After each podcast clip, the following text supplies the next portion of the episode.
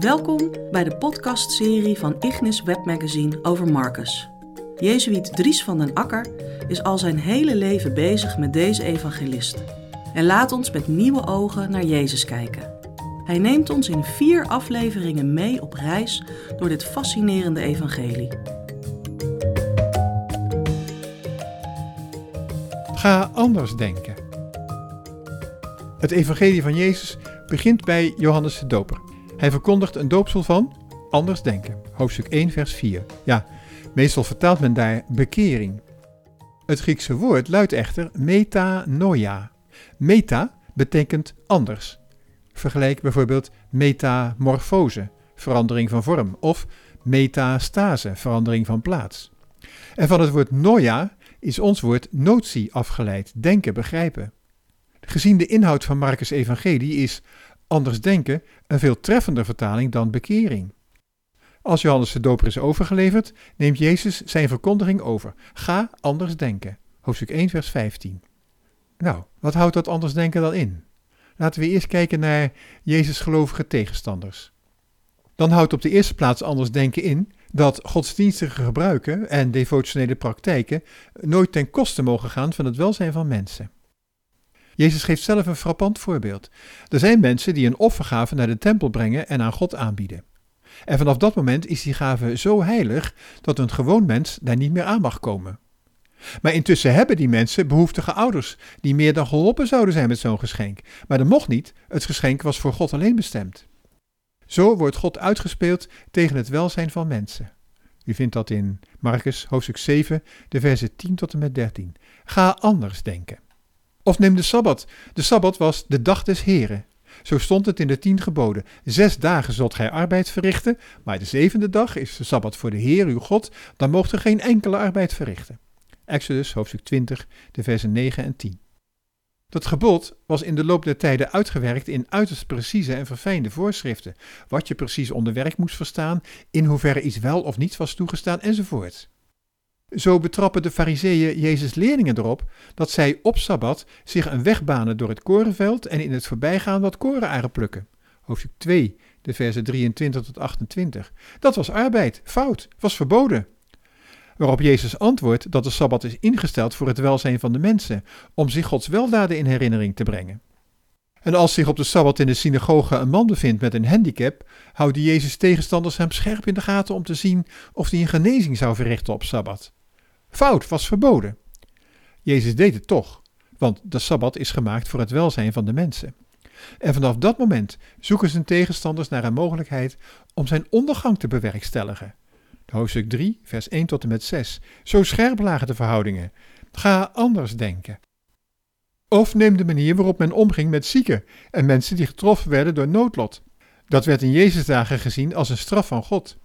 En dus moet God reden gehad hebben om ze te straffen. Ze moesten dus een ernstige zonde hebben begaan. Ja, wat die mensen gedaan hadden, dat wist men meestal niet. Maar dat ze iets op hun geweten hadden, dat bleek uit het noodlot dat hun had getroffen. En die mensen werden als onrein beschouwd. Daar moest je bij uit de buurt blijven, anders werd je net zo onrein als zij. Zo werden mensen die juist het meeste hulp nodig hadden, gediscrimineerd en geïsoleerd. Ja, zo was de godsdienstige overtuiging uiteindelijk veranderd in een houding van harteloosheid. Maar Jezus is tot in het diepst van zijn ziel begaan met die slachtoffers. Hij laat zich letterlijk en figuurlijk raken door hun noodlot. En zo nodig zegt hij hun vergeving aan. Tot ergernis van zijn gelovige tegenstanders. Maar voor die slachtoffers betekende, het genees, betekende de genezing een nieuw begin. Ga anders denken.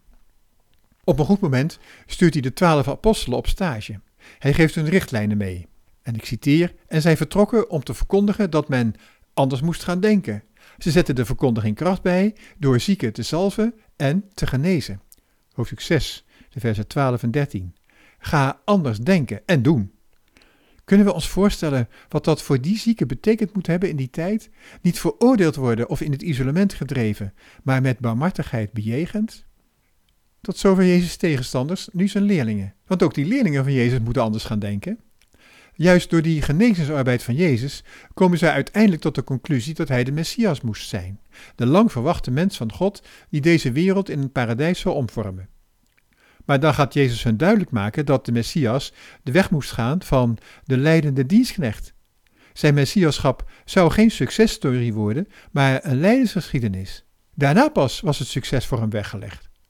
En Petrus probeert dat Jezus uit zijn hoofd te praten, waarop Jezus uiterst scherp reageert. Ga achter mij, Satan, want jij denkt zoals mensen denken, maar zo denkt God niet. Hoofdstuk 8, de versen 29 tot 33.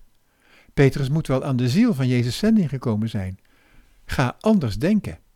Of als Jezus voor een tweede keer begint over de leidersweg die hem als Messias te weg staat, moet het tot de leerlingen zijn doorgedrongen dat er een tijd zou aanbreken dat Jezus niet meer in hun midden zou zijn. En wie van hen zou dan de leiding op zich nemen? Ze kregen ruzie over de vraag wie de belangrijkste was. Jezus nam hen terzijde en legde uit dat de belangrijkste juist de minste van allen moest zijn. De belangrijkste was niet degene die gediend wordt, maar die zelf anderen dient. Hoofdstuk 9, vers 33 tot 35. Ga anders denken. Ja, en tenslotte Jezus zelf. Want er is een moment waarop Jezus zelf anders moet gaan denken. Dat is wanneer een buitenlandse, niet-Joodse vrouw hem vraagt haar dochter te genezen. Hij reageert uiterst bot.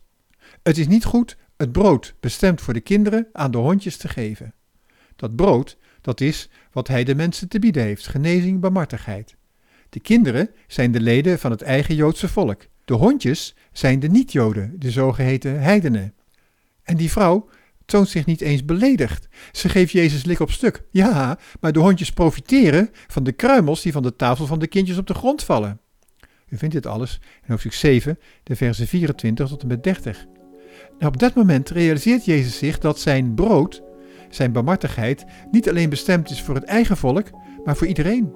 Niet de landsgrenzen of je afkomst bepalen of God je hoort, maar je geloof, je vertrouwen. Ga anders denken. Leuk dat je hebt geluisterd. Ik ben Dries van den Akker en ik heb deze podcastserie gemaakt naar aanleiding van mijn boek Ga anders denken, Jezus leren kennen door de bril van Marcus. In dat boek wil ik laten zien hoe mooi het evangelie van Marcus geschreven is, hoe knap het is gecomponeerd en welke verrassende verbanden hij legt tussen verschillende gebeurtenissen door dezelfde woorden te gebruiken. En hoe die voortbouwt op de religieuze traditie van het Oude Testament. Volgens Marcus komen alle lijnen van het Oude Testament in de persoon van Jezus bij elkaar. Hij brengt mij Jezus heel nabij als een bewogen mens. Jezus wist zich bemind door God zijn Vader. Hij speelde het klaar in de meest alledaagse gebeurtenissen de zorg van die Vader te bespeuren. En dat brengt hem ertoe op zijn beurt zorg te hebben voor mensen, met name voor de zwakste van zijn tijd, voor degenen die eruit lagen om welke reden dan ook. En dat kwam hem te staan op veel weerstand en tegenwerking. Ja, Ten slotte kostte het hem zelfs zijn leven. En dat had hij er allemaal voor over, wetend dat hij bemind werd door de Vader. Als ik hem wil volgen, verzekert hij mij dat ook ik bemind word en of ik die liefde op mijn beurt wil doorgeven. U leest er meer over op igniswebmagazine.nl/boeken.